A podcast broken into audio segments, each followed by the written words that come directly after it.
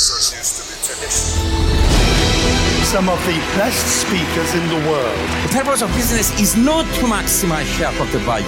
Whoever told you that, shoot them. It brings together so many people and creates this high energy environment.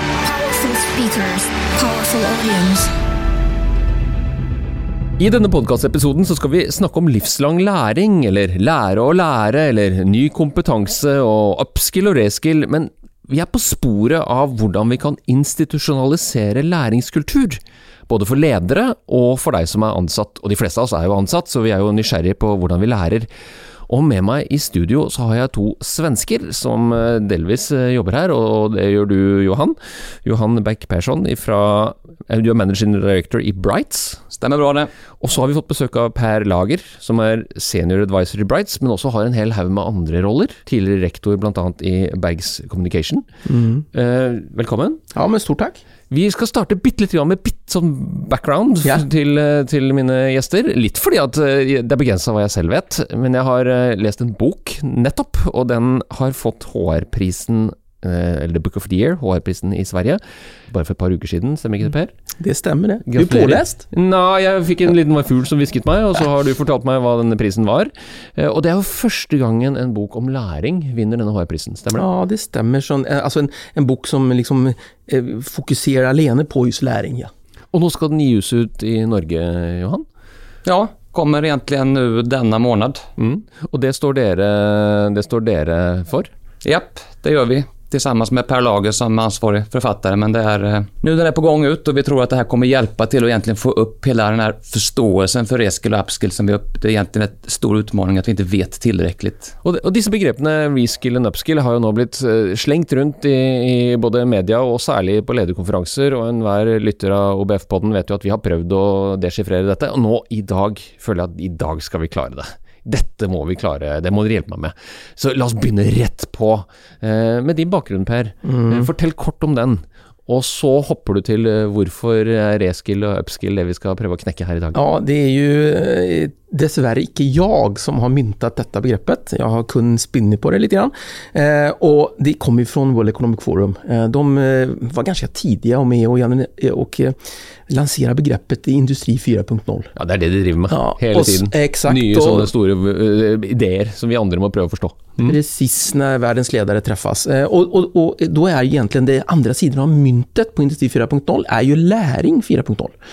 Och eh, de tyckte nog att eh, lifelong learning var lite som blurry och sådär. Och då, mm, det var inte de heller riktigt som myntade de här två begreppen, upskill och reskill, men det var de som började använda dem på ett väldigt proaktivt, pedagogiskt och strukturerat sätt. Och vad betyder det då? Ja, det betyder egentligen detsamma som livslångt lärande, men lite mer precis.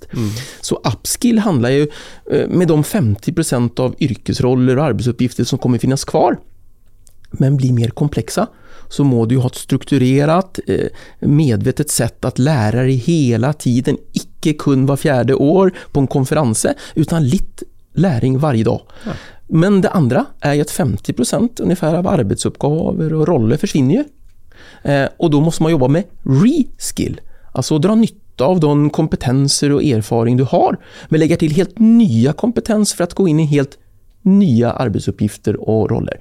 Så upskill, hela tiden lärande på ett medvetet strukturerat sätt och reskill, ta till dig helt nya kompetenser för att gå in i nya yrkesområden. Strålende. Tusen takk. Ja, men det var så lite. Ja, ja.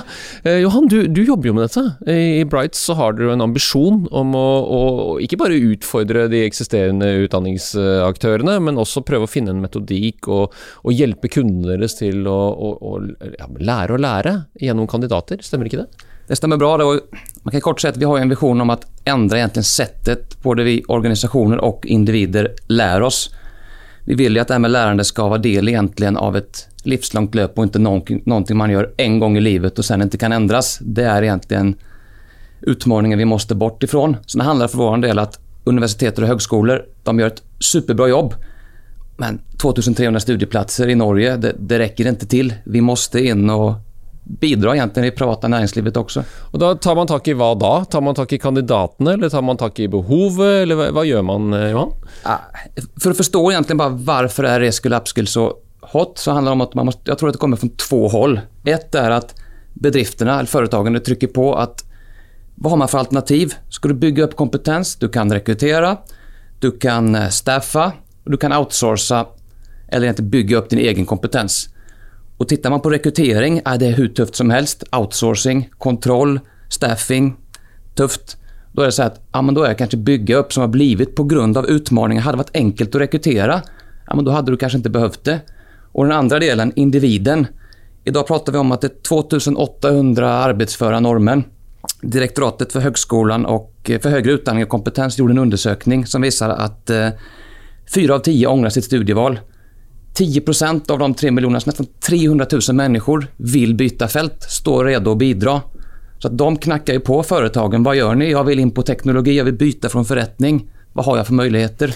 Jag blir, jo, jag blir jo både glad och lite sånn urolig när jag hör deg snakke, Johan. för at jeg er jo gammel eh, universitetsmann, eller opplever meg selv som det, i hvert fall. I den grad folk vil mene at BI er et universitet. Men vi er nå alle som jobber der, har jo universitetsutdannelse, så der fikk du den. Eh, og har, har et ei, jeg føler at jeg har et sånn eierskap til dette med læring. Men jeg har jo ikke det, for at alle lærer jo forskjellig.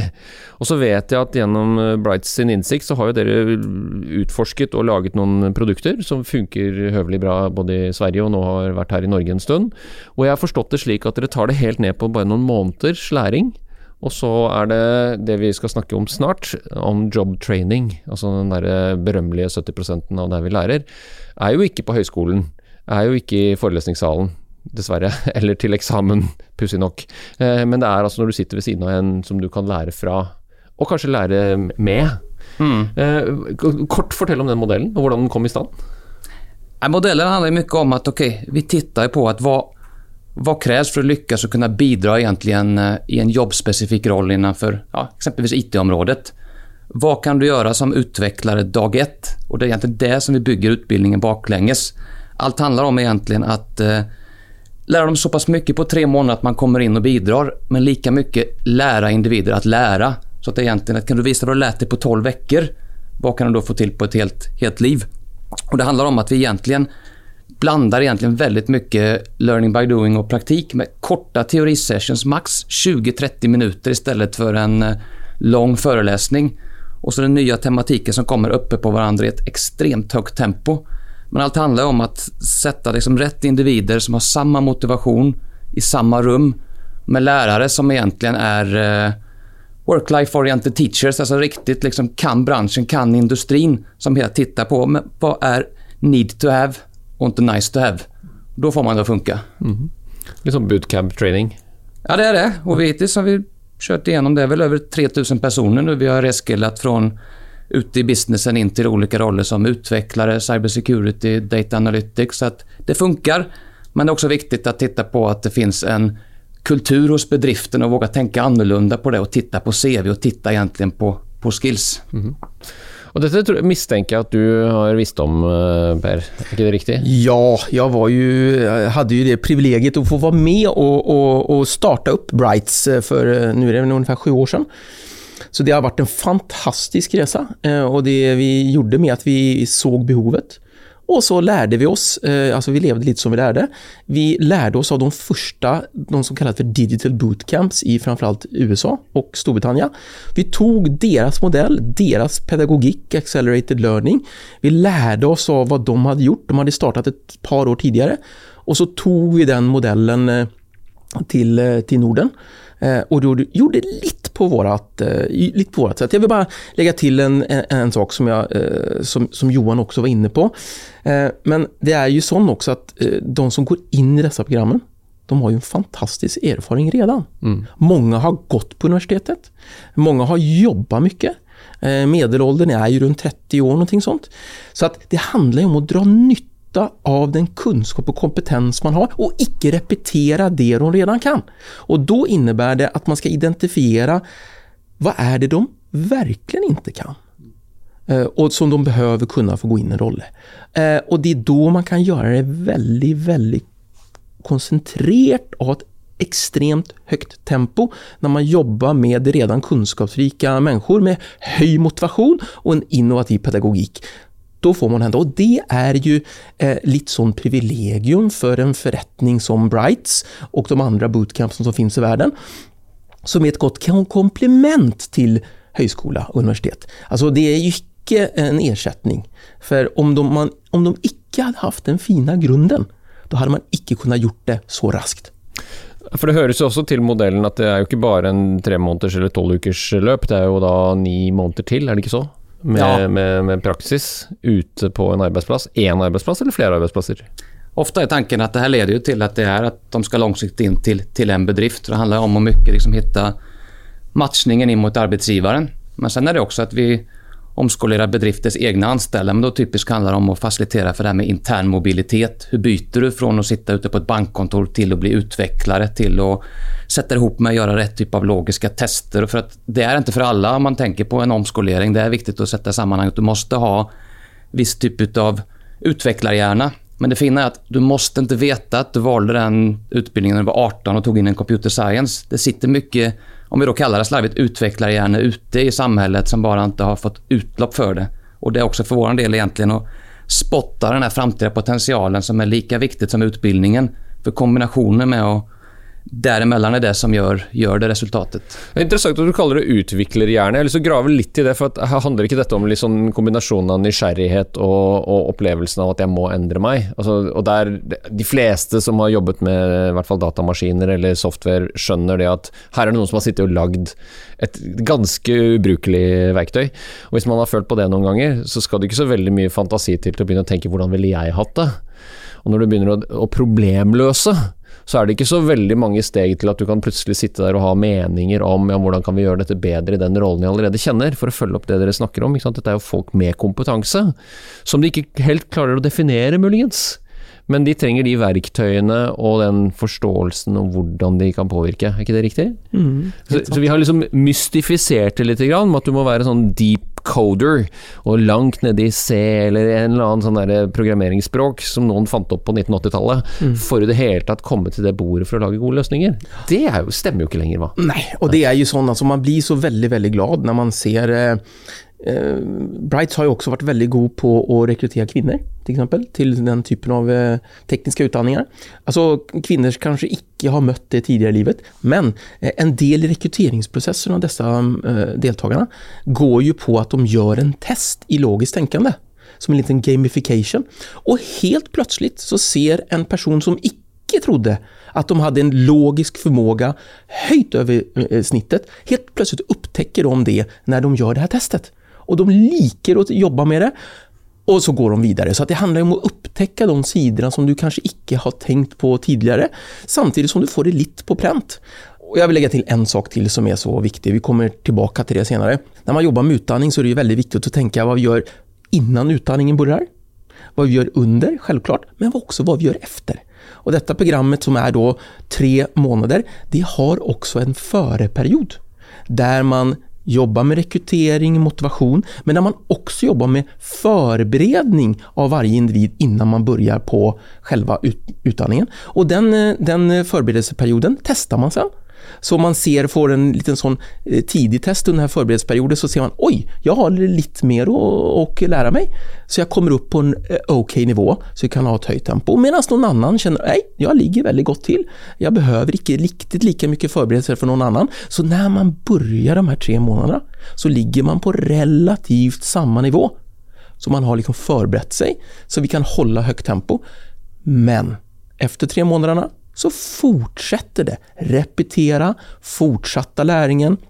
När man upptäcker kunskapsluckor eller någonting du behöver repetera.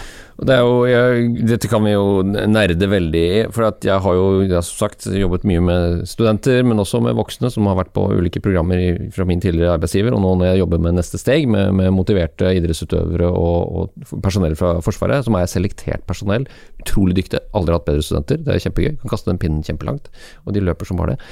Eh, men det som slår meg, er jo at det er jo litt opp til hvordan man fasiliterer det, og jeg har hørt så mange snakke om akademier og læringsløp for eh, bedrifter, og de gjerne ansetter en eller annen figur som har jobbet med, med det, som får ansvaret for det, og så blir det som regel ganske dårlig uttak. Nå generaliserer jeg, da. Mens det jeg har opplevd i denne boken, Per, det skal, du, det skal du ta til deg. Det er, det er veldig godt prøvd å samle noe som er ganske komplekst på et sånt overordna nivå, modellmessig, men så ta det helt ned på den derre nanolæringen og repetisjonen.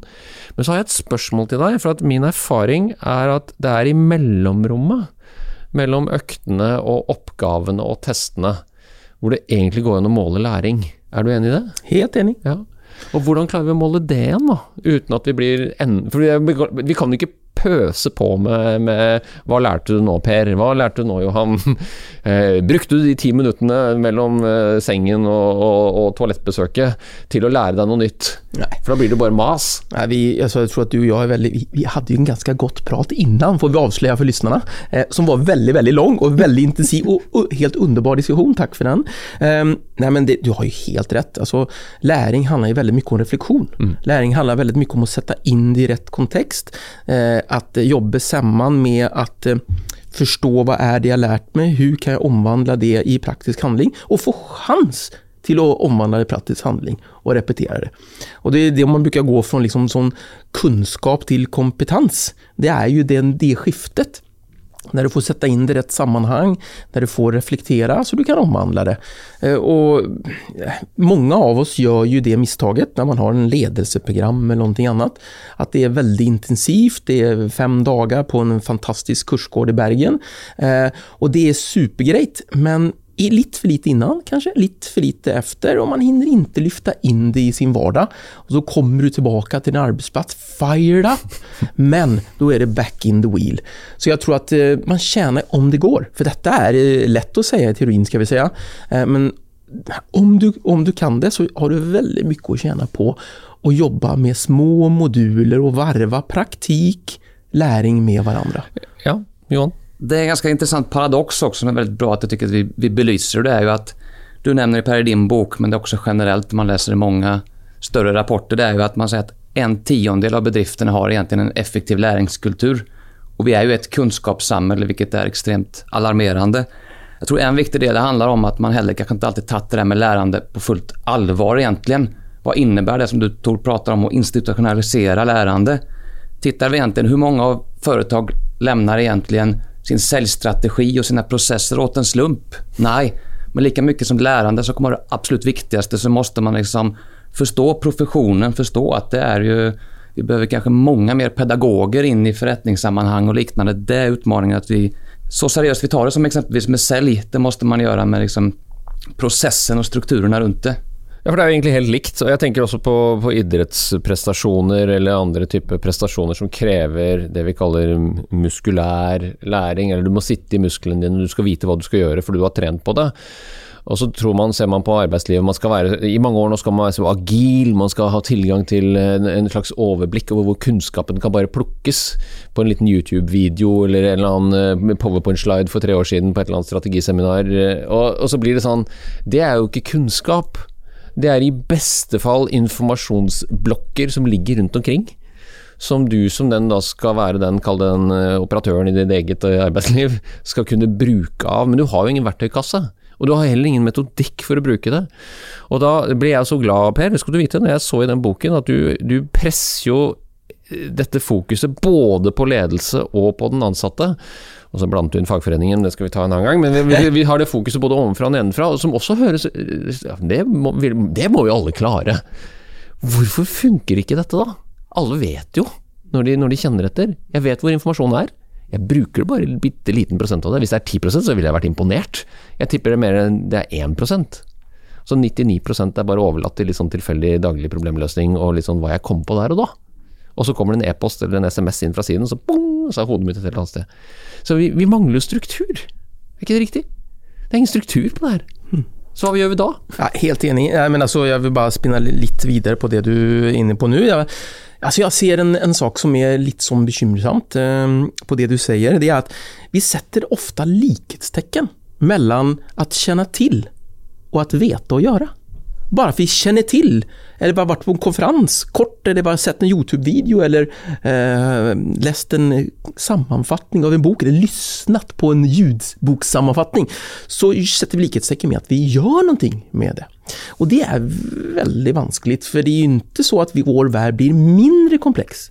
Den blir ju akkurat mer komplex. Och då kräver det mer lärning. Och det du säger, det för nu kommer vi in på ledelse. Eh, Och vi kommer också lite in på, på, på att försöka minska gapet mellan att säga å ena sidan att vi är en kunskapsnation, kunskapsförrättning, till också göra och vara det. Eh, Och jag ser ju i, i de studier jag har gått igenom och gjort själv att eh, läring är kämpeviktigt och det är den vår viktigaste konkurrensfördel, är vår kompetens. Och sen ser man att lär, lära sig, ja det gör man innan och efter jobbet, icke på jobbet. För då ska man jobba. Da ekspederer du. Eh, och det är... eh, Och där måste jag bara backa tillbaka. Där tycker jag World Economic Forum med andra gör en, en, en, väldigt god insats. De visar på att att läring idag, den, stru, den strukturerade medvetna läringen i generellt, om vi får, får snacka så, i, i västvärlden, ligger någonstans på 30 minuter i veckan. Och det må upp till, och nu får vi hålla i oss här, fem timmar varje uke. För att vi ska dra nytta av allting som sker i vår omvärld. Det är som halveringstiden av kunskap är ju nu nere på fem år. Alltså det vi vet idag är bara värt 50% om fem år. Och, och att då går det ju icke att bara snacka, utan vi måste bara implementera och precis som du säger på ett strukturerat, smart, medvetet sätt. Och det är som därför jag skrev boken. Jag bara lägga till då för att sätta dig i sammanhanget. Det är ju det här med att ja, företagen extremt tufft att rekrytera. Men vi såg i en undersökning som vårt systerföretag Rackham Cork gör där man tittar på varför väljer studenter och nyutdannade arbetsgivare. Och då är det just det med att eh, topp två, det handlar om alltså just de strukturer och processer och utvecklingsmöjligheter som finns. Så det där med att man inte prioriterar det, man, man har inget val längre heller. Du måste göra det och då kommer det också bli lättare att, att rekrytera. För att om ett företag inte har bra erbjudanden, nej, då går man vidare till nästa. Ja, altså, det, og jeg synes det er fascinerende. Du nevner det. Du, du fortalte meg i forkant her at lønn var fortsatt øverst. Men du skal vite at vi på høyere utdanning har jo sånne aggregerte tall på det. Der har jo lønn sunket. Så der er jo personlig utvikling ligger jo langt foran. Fordi de, de er veldig opptatt av, nesten besatt av å lære noe. Men jeg tror Per er også inne på helt kjernen av dette. De vet ikke helt hva det betyr å lære å lære. For det blir de aldri øvd på. De blir øvd på nå å kunne være dyktige kopimaskiner til å treffe det der tidspunktet hvor eksamen faller, og så skal de ha en høyest mulig hva heter det på svensk, betyg, sånn at de tror at de får et, ja, de får et stempel i panna, så kan de gå ut og tjene masse penger som konsulenter eller i næringslivet.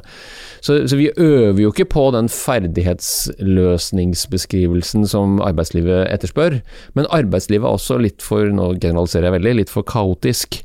Eh, fordi at man er i en slags konkurransesituasjon, også for å beholde talent. Man skal rekruttere nye, flinke folk som skal løse problemene mye raskere enn de som allerede er der. Og så kommer det der ubehagelige spørsmålet, som Per sa så fint i starten. Halvparten, da, hvis det er 50 da, kan jo lære seg dette eh, ved at de får det riktige opplegget rundt seg. Og jeg vil nesten driste meg til å si at jeg vil tro at det er enda større potensial i de du allerede har ansatt. For de har du jo lært opp. De kjenner jo kulturen.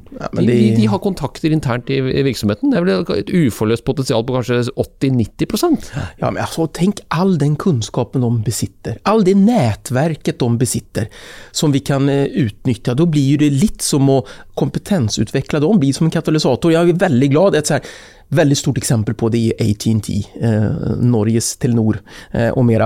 Eh, nej, men, plus, så, ja. plus, plus, plus. Eh, nu försöker jag vara lite inställsam här. Helt Eh, av dig. först snack, snacka lite svorsk och sen eh, ge, ge exempel på norska. Nej, men de stod ju i, för, för fem, sex år sedan så stod ju de inför ett stort vägval. De såg att flera, eh, alltså drygt 100 000 av deras ansatta hade icke rätt kompetens. De hade helt fel kompetens going forward. Och då så, så hade de ett strate- strategival. Okej, ska vi ta bort de 100 000 och ansätta eh, 100 000 som hade rätt kompetens? Som var lite yngre och hade gått på universitet, högskola och nu. Och då sa de nej, det är icke vår kultur. Och det är dessutom icke ineffektivt. Så de valde att lansera eh, den, den dåtids största utveckling och kompetenssatsningen i modern tid. Då de skulle eh, utbilda, om, omutbilda 100 000 eh, medarbetare och det har de faktiskt gjort nu.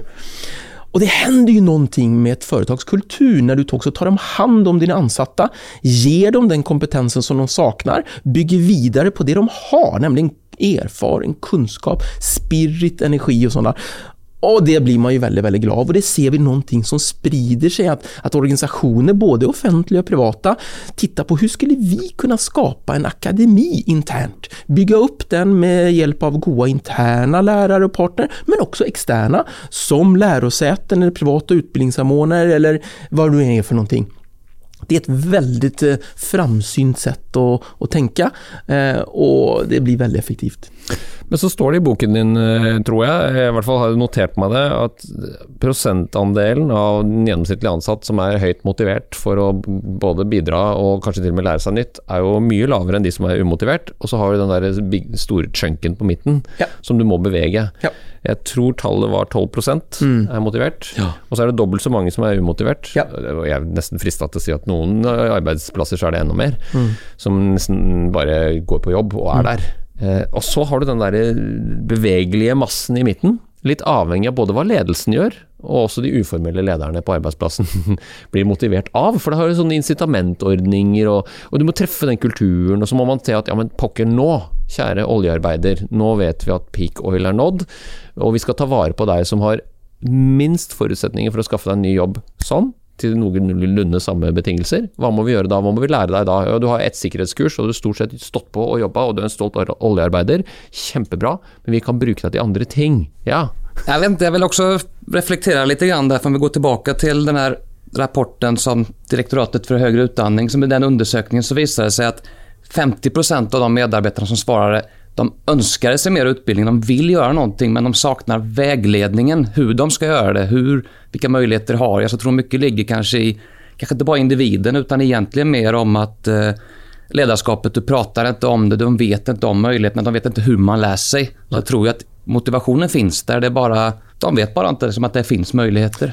Och då brukar jag faktiskt vara lite sån högtravande, som man säger på svensk, och säga att detta är faktiskt lite av den nya ledarskapsrollen. Alltså, eh, det handlar väldigt mycket om att förstå hur viktig läring är, förstå vad vi lär oss och vara en katalysator och en mentor och en bollplank till dina medarbetares lärande. Kanske den viktigaste ledarskapsuppgiften going forward. Du kan icke outsourca det ansvaret till en HR-avdelning. HR-avdelning ska stötta, göra det möjligt, men du som ledare, du som chef, du må ta detta ansvaret och se hur mycket behöver vi lära oss? Vad ska vi lära oss? Var en god förebild själv. Vi ser i undersökelser eh, från ledarna som finns här i Norge också, som är fackförbundet då för chefer, att ledare utandar sig mindre i snitt än medarbetarna. Och det är icke att vara en god förebild och skrika till alla andra att de ska ut, utbildas och lära sig nya saker, men jag behöver icke det. Så ett, var en god förebild. Två, se till att ha god processer för hur dina medarbetare kan lära sig. Stötta de som behöver lära sig, motivera de som behöver lära sig, skaffa möjligheter, icke före, icke kun efter, utan under arbetstiden. Då tror jag vi bygger en fantastisk göj kultur och som blir eh, effektfull. Ja, takk. Og da, da, nå hjelper du jo meg også, som en halvdårlig programleder her, til å fokusere på det vi skulle gjøre, modellen. For i senter av den modellen, disse fem stegene, så vi skal komme til de, så har, setter du jo læringskultur med resultater som er målbare, men også det jeg opplever som kontinuerlig utvikling, og at det skal spinnes sammen. Och og rundt här her, med de fem stegene, så starter du med noe som jeg opplever som er rett ifra sånn markedsforståelse og strategitenkning, nemlig fyrlykten, altså lighthouse. Altså Man tenker man har en eller annen slags lys der borte som, som skal gi ja, Det kommer an på hvordan du ser det, da. Om du, er, om du skal unngå noen skjær, eller om du skal se på lyssøylen som et slags, slags signal på her skal du følge. Eh, jeg skal, jeg skal pirke litt i det med strategiperspektiv etterpå, og, og, og Lighthouse. Og så har du også med dette med learning mindset, og hvordan man analyserer læringen, og læringspolicy, altså hvordan governance, altså hvordan du kan organisere dette internt. Og jeg er veldig glad for at du snakker varmt om pedagoger. Pedagoger inn i, i akademier er helt avgjørende. For du kan ha velmenende ansatte som har lyst til å drive et akademi, men hvis det ikke er knagget på metodikk for læring, så blir det veldig, det blir veldig vanskelig å få til. Um, og så kommer jo disse badgene for fullt. altså Nå kan man jo sertifisere sine egne ansatte, i hvert fall på individ- og organisasjonsnivå. Kanskje kommer det på bransjenivå, det er verdt å følge med på. Du sier selv i denne modellen at eh, det er viktig å gjøre dette hver dag. Sjokkerende å høre, Johan, at eh, da vi bare lærer 30 minutter i uka. Hvordan står det til eh, hos Brights? Ja, vi har själva en egen, vad vi kallar en learning policy och det innebär att eh, du ska lägga de fem timmarna och det är ledarens, ja, och det är ledarens ansvar att eh, följa upp det i varje one-to-one egentligen vad vi gör det. Och sen handlar det om att mycket, alltså 70% lär du dig det du gör i rollen. Jo, så det är bara den här, få till reflektionen, få till liksom löpande, bara stanna upp, checka in vad Som du lärt leder dig. konkret, hva gjør du da? Går du liksom snak- Hvis du jeg var din ans anställde, he- he- huker du tak i meg hver måned, eller hver 14. dag, eller hvor ofte følger du meg opp? Ja, det är ju egentligen eh, förhoppningsvis dagligt, men det, det, det sker inte alltid. Då, men det är ju viktigt att vi tänker att det är eh, löpande en kort intro varje dag, ut, outro, men framförallt den delen att eh, sätta det i ett sammanhang. Vi har liksom korta målsättningar egentligen för varje säg, kvartal. Då. Så att vi, målsättningen är där och sen kommer det andra ganska naturligt. Men syv og en halv times arbeidsdag, eh, en halv time går bort til lunsj, eh, for at det tar litt lengre tid med lunsj enn en halvtimen. Så er vi nede i syv timer, og så skal jeg bruke én time av det på læring. Da blir det bare seks timer å ekspedere alle e-poster og, og møter og alt sånt. Problem. Ja, man skulle kunna säga det, jag vet att du inte tycker så här, men... Jag- blir opptatt av dette. Ja, men de, de älskar detta. Ja, det- Eh, För de vet att den, eh, det viktigaste eh, saken för att trygga en ansatt är utandning. Det är den enskilt viktigaste. Eh, Och där har skett en dramatisk svängning hos många fackförbund. Vilket är intressant, eh, som man pratar om. Men jag går tillbaka. Alltså LinkedIn Learning kom en stor eh, undersökning här för ett par år sedan. Då man tittade på de som man kallar för heavy learners, de som har allra mest tid, mer än fem timmar i veckan, på läring. Vad hände med deras effektivitet? Vad hände med deras eh, frisknärvaro på jobbet? Eh, Vad hände med deras trivsel på jobbet? Ja, den gick upp. De var mer effektiva och det är ju naturligt. Om du lär dig hur du ska lösa de där eh, utmaningarna som kommer om två veckor så det är klart att du mår bättre, det blir mindre stress och du löser det mer effektivt. Men det är också viktigt att tänka på att eh, läring är ju icke detsamma som att gå kurs. Kurs är en del av läring. Det andra handlar ju om att lära av en medarbetare på ett strukturerat sätt, på ett schemalagt sätt. Det handlar om att vara, göra studiebesök, site visits. Det handlar om att lyssna på en podd som denna. Om du är HR-ansvarig in, i en bedrift eller är en, en ad, eh, eh, eh, ledare och vill bli bättre på läring, då är denna podden förhoppningsvis en väl investerad tid. Det är ju läring för den personen. Eh, Det har webbkurser, du har väldigt många ting som innebär en, ett gott sätt att lära sig på. Och det där måste vi öppna upp. För många tänker kundkurs. Och det är icke rätt när man jobbar med sin everyday learning. Skal jeg bare ta for jeg er nysgjerrig på hva du tenker om dette. Er det slik at også business-språket og logikken rundt dette, at man ser på det som en investering, kan være egentlig helt feil måte å snakke om læring på? Altså, I hvert fall om det med kunnskap. For vi ser på det nærmest som en sånn eh, innsats som skal gi en avkastning. Men jeg opplever, jeg har et annet forhold til dette med læring. Jeg ser mer på det som mer sånn mellommenneskelig glede og nysgjerrighet. For at det dytter oss framover. Og hvis vi blir for instrumentelt opptatt av se hva jeg har fått til, og kan putte på min CV, som sier noe om meg, så risikerer vi å gå glipp av de der nyansene i at vi ser ting litt forskjellig, og dermed flytter vi verden framover. Det er sånn what's in it for me? Og det har vært sånn lenge nå. Og, og, og det må jeg jo si også når jeg leste om første gang jeg leste om Academic Work sine tre måneders bootcamp og ni måneder der på en kontrakt med, en, med noen som skal ha en jobb gjort. Og så er det kanskje av de hva vet jeg, 20-30-40% som blir programmerere. For at de plutselig fant ut en passion i livet som gjør at de blir kjempegode. Helt strålende. Men det går også an å finne ut av det helt på egen hånd. Man kan jo droppe ut av skolen på ungdomsskolen og bli kjempegod i å programmere, eller veldig dårlig òg, og ende opp med å bli blomsterbinder i 40-årene. Altså jeg, jeg tror at de veiene vi velger vi, vi har fokus litt feil, mener jeg. Vi må fokusere litt mer på de der soft-skillene, og litt mer på de nyansene i det hva folk gir uttrykk for at de har lyst til å drives av. Ikke, er du med men meg på det? på någonting där. Det, det är lika viktigt att vi i tidig ålder belyser egentligen bara vilka utbildningar är för olika typer av personer. Ja, vi må ha en Du start- test, da, Johan. Ja, men det är egentligen bara att okej, min pappa sa att jag skulle bli, inte för jag är ett jurist, men jag, jag skulle bli jurist. Okej, jag går en femårig utbildning. Men om jag egentligen är en person som passar för ännu mer praktiskt lärande, ännu mer intens format än den femåriga utbildningen, ja, men då måste man ju veta att nej, men då kanske bästa vägen är inte den. Men vi gör det per automatik för vi har alltid gjort det. Och där är det väldigt viktigt att framåt att vi måste se på lärande att det är olika för olika individer. Femårig utbildning är perfekt för många, men för andra individer bättre och mer effektivt med andra alternativ. Tallene er ganske nådeløse. Det er ikke perfekt for mange i forhold til hele populasjonen. Det er ganske ødeleggende for mange, men det som er bra, ikke ødeleggende, det som er bra er at du lærer en metodikk. Altså Du lærer deg noe som du kan ta over i andre bransjer. Og så er vi jo i en tid nå hvor informasjonen, ikke, ikke nødvendigvis kunnskapen, informasjonen er tilgjengelig. Så man kan jo plukke sammen det jusstudiet litt seinere i livet og gjøre pappa glad, og, og ha motivasjon for det. Man kan jo ta juridisk embetseksamen som 60-åring, men folk tar jo doktorgrader når de er 80. Og det, er jo, det bør man jo la seg inspirere av, ikke sant? Og ikke bli redd for at man velger feil. Altså, vi, ja, vi har jo helt feil fokus. Og hvis ledere går inn og tenker at ja, men jeg er litt sånn Å ja, vi skal, vi skal utdanne våre egne, vi skal reskille, men ikke mer enn 50 For da får vi ikke gjort jobben. Sant? Det, det tror jeg også er et element her. Man er litt sånn redd for å sette i gang noe Ja, som ender opp med å få 80% av arbeidsstokken som ja, men vi vil jobbe med noe helt annet. Nej, men det, du har så rätt detta. Alltså, läring är positivt på så väldigt många olika eh, sätt och på, för olika aspekter. Så vi som egentligen det enklaste att tänka på som ledare är embrace it all. Alltså all läring är gott. Eh, men man måste också säga att läring är jobbigt. Eh, väldigt mycket. Eh, då blir det eh, eh, lite mer naturligt. Och sen får man börja nysta upp i vad som är extra viktigt för dig som individ. Är det, lär du dig för att behålla jobbet? Lär du dig för att stressa mindre på jobbet? Lär du dig för att vara friskare? Lär du dig för att ta nya arbetsuppgifter? Lär du dig för att gå in i en helt nytt roll? rolle? Lär du dig för att det är bara göj att lära sig? För att det bygger mitt självtillit, det bygger mitt självförtroende. Eh, Och det har jag ju med i den, eh, det andra steget som du nämnde, som heter learning mindset. Att, att både titta varför lär jag mig? Och det tycker jag vi snackar lite för lite om på individnivå. Det är min roll som chef och ledare att ha det samtalet, hjälpa dig att ha det samtalet. Och sen snacka, som du också inledde med, med hur lär jag mig? När jag lärde mig någonting senast, för ett år sedan, som jag har väldigt god nytta av, hur lärde jag mig det?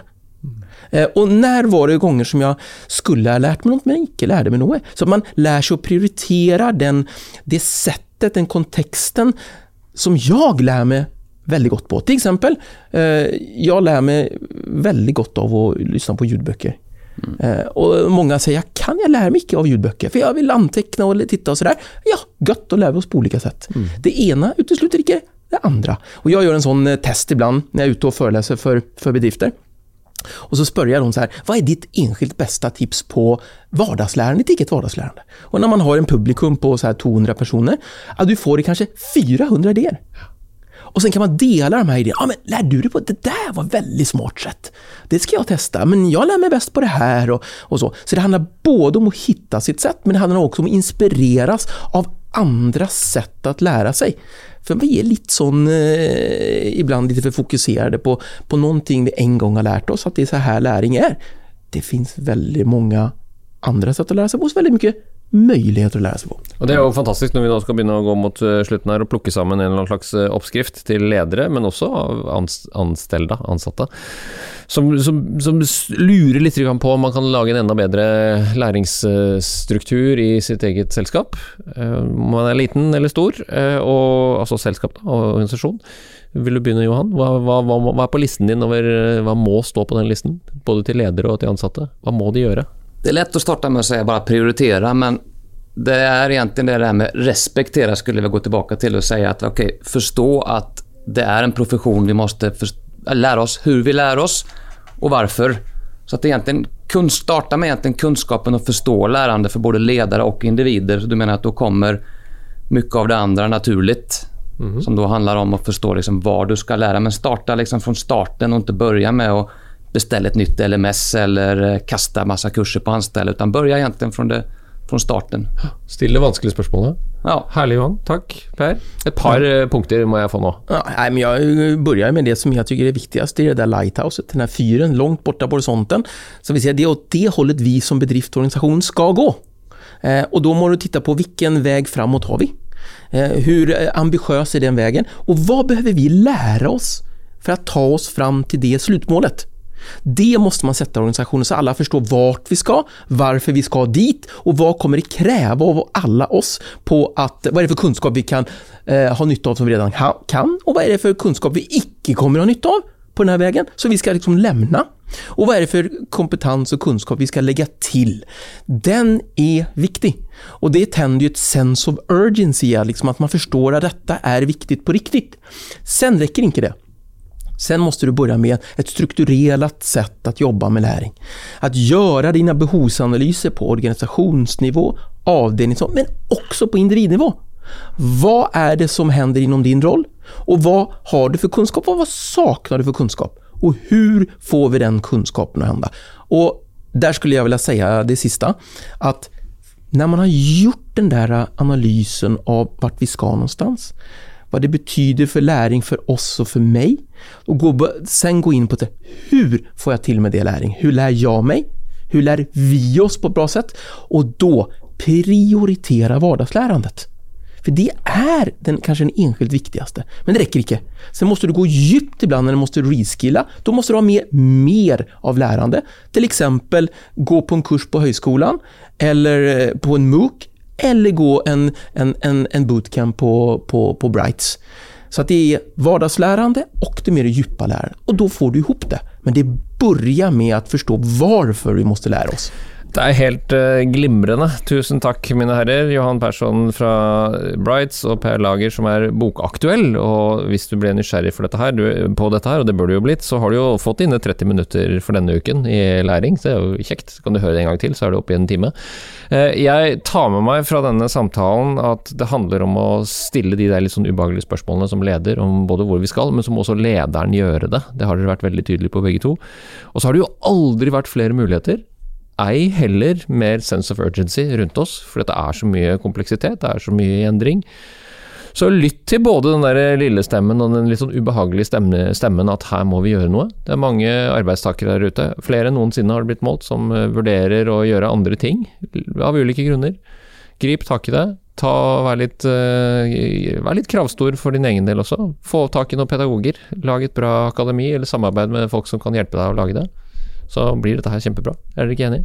Jag är helt enig. Vi har aldrig haft större behov av att lära oss, men det som är göj, vi har aldrig haft större möjligheter att lära oss. Och den där, den där möjlighets blackboxen måste vi öppna upp så fler ser vilka möjligheter som finns, så man kan lära sig på ett nytt och effektivt sätt.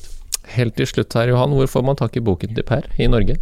Du skriver hello at brights.com. Där kommer reklamen. Ja, men det var där det. kom den. Tvungen ja. att ha någonting, men ja, inte men jag, mer. Jag har läst den, jag likte det väldigt, väldigt gott och syntes det var spännande och, och extra stas att få lov att diskutera med er. Så tack för att ni kom och lycka till med arbetet i Brights. Tack, tack. Hvis du likte denne podkasten, hadde vi satt utrolig stor pris på om du abonnerte og gir oss en tilbakemelding i avspilleren. Some of the best speakers in the world. The purpose of business is not to maximize shareholder value. Whoever told you that shoot them. It brings together so many people and creates this high energy environment. Powerful speakers, powerful audience.